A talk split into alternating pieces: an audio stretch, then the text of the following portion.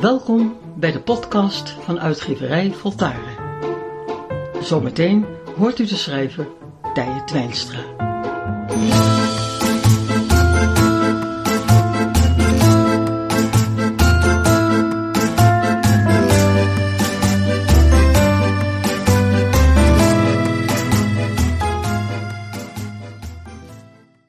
Het is altijd bijzonder om de energie van een niet-aards wezen door je heen te voelen gaan. Vooral als het een goede energie is.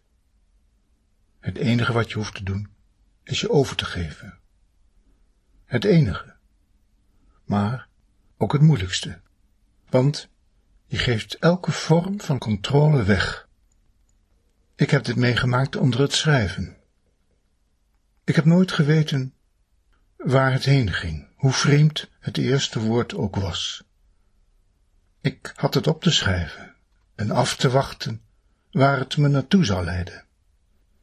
Hoe onbekend de eerste zin ook aanvoelde, veel sterker dan dat was het gevoel dat ik deze alleen maar hoefde te noteren en erop te vertrouwen dat de betekenis vanzelf duidelijk zou worden.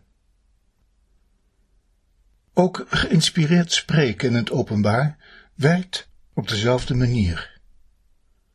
Iemand uit het publiek komt met een vraag.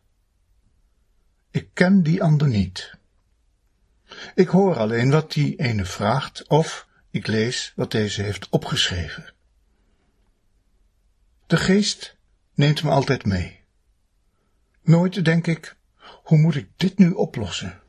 Altijd weet ik ik hoef alleen maar te luisteren wat er heel zacht tegen mij wordt gezegd. Dat is het enige wat ik heb te doen. Ruimte maken voor een energie die zoveel meer weet dan ik. Het volgende fragment is uit 2013, opgenomen tijdens een besloten lezing in Haarlem. Op kleine briefjes hadden de aanwezigen hun vraag geschreven. Willekeurig nam ik een papiertje. De geest die door me spreekt is heel gedecideerd, heeft een droge humor en zegt heel precies waar het op staat. De geluidskwaliteit is niet echt heel goed, maar genoeg om alles te kunnen volgen.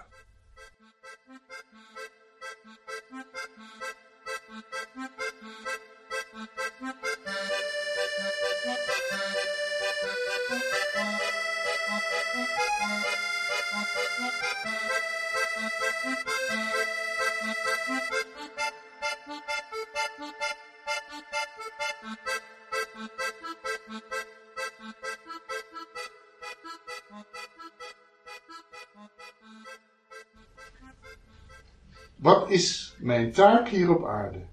Ben ik op de goede weg? Deze vraag komt vaak voor. Hè? Wat is mijn taak hier op aarde? Om erachter te komen. Want ik kan natuurlijk niet vanuit, vanuit, dit, vanuit deze vraag nu zeggen. De taak van degene die dit geschreven heeft, is om alsnog melkboer te worden. Kan ik natuurlijk niet zeggen. dus wij moeten hier op een andere manier op ingaan. Omdat ik, wanneer ik zoiets zou zeggen, een duidelijk gericht antwoord op wat iemand zou moeten doen, beïnvloed ik de vrije keuze van iemands leven. Dat moet niet gebeuren. Mijn taak is om mensen, mijn taak dus, is om mensen juist naar zichzelf te wijzen. En daar hun antwoorden te vinden. De vraag vertaal ik dan ook weer. Hoe kan ik mijn taak vinden? Niet vertel mij wat mijn taak is. Niet een buitenstaander. Nee, hoe kan ik zelf mijn taak vinden? Dat is een betere vraag. Hoe kan ik zelf mijn taak vinden? De zelfvoorzienendheid van ieder mens acht ik het grootste goed van ieder van ons. Hoe kan ik mijn taak vinden? In de eerste draait alles om zelfkennis. Degene die een taak zoekt, moet eerst zichzelf leren kennen om te achterhalen waarom hij een taak zoekt. Is het ijdelheid? Is het interessantigheid? Is het, ja, ik, uh, ik wil ook iets te doen hebben. Wat is het? Wat zit erachter?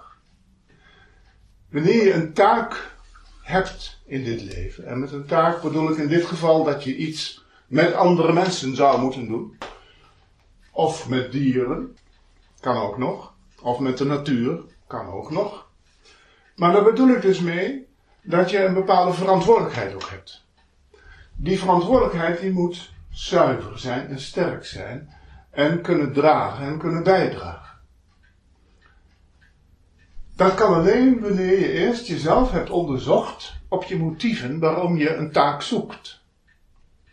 Voel je dat je een taak hebt, dan ben je in wezen al bezig om hem uit te voeren.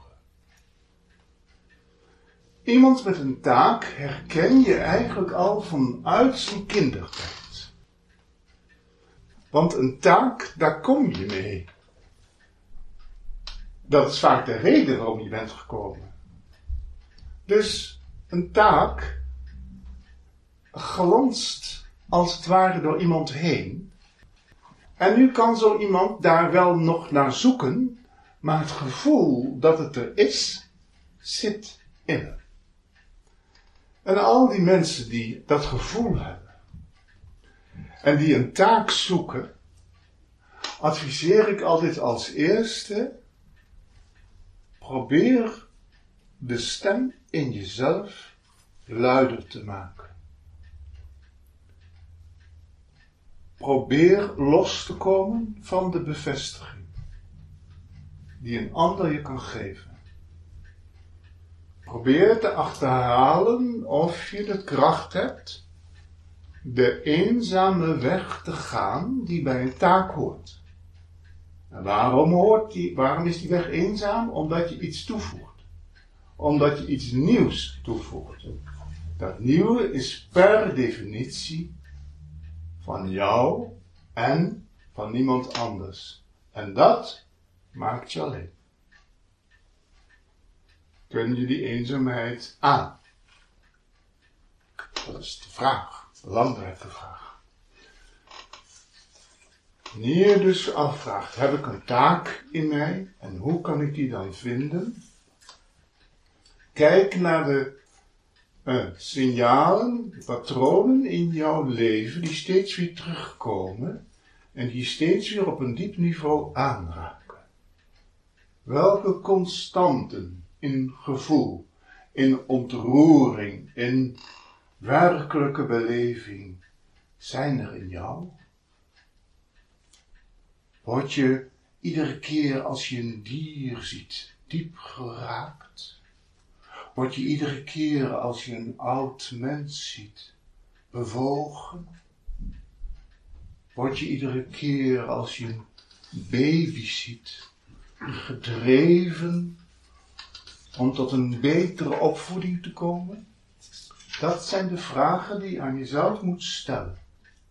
Om erachter te komen of je een taak hebt. Een taak is in de eerste en in de laatste plaats dienstbaar willen zijn. Dienstbaar willen zijn. Waaraan? Aan dat wat jou die taak heeft opgedragen. Wanneer je de opdrachtgever groter maakt dan alle mensen bij elkaar. Wanneer de opdrachtgever als het ware tot een omvattend geheim maakt. Dan kan hij jou van alle kanten bereiken. En van alle kanten aanspreken. En van alle kanten bemoedigen. Of terechtwijzen. Dan ben je dienstbaar. Goed. Ik geloof dat ik genoeg heb gezegd over het vinden van je taak. Zijn jaren over te vertellen.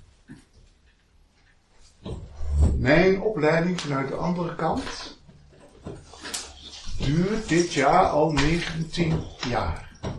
Actief. En daarvoor was ik voelende in de taak, maar niet bewust in de taak. Zoekende in mijn taak, maar niet bewust in mijn taak.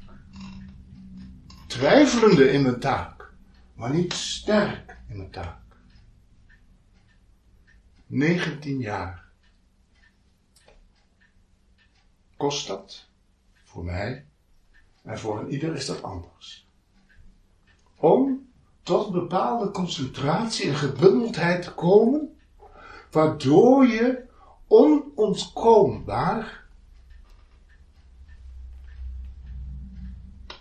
raakt, treft, voelt, aangeeft, durft, voorbijgaat, doorgaat. Allemaal elementen die je nergens kunt leren dan alleen vanuit de diepten van jezelf.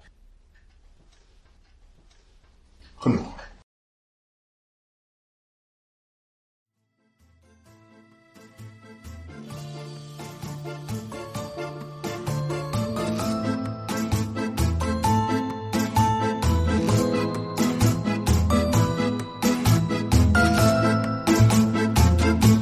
Ga je goed en al maar beter.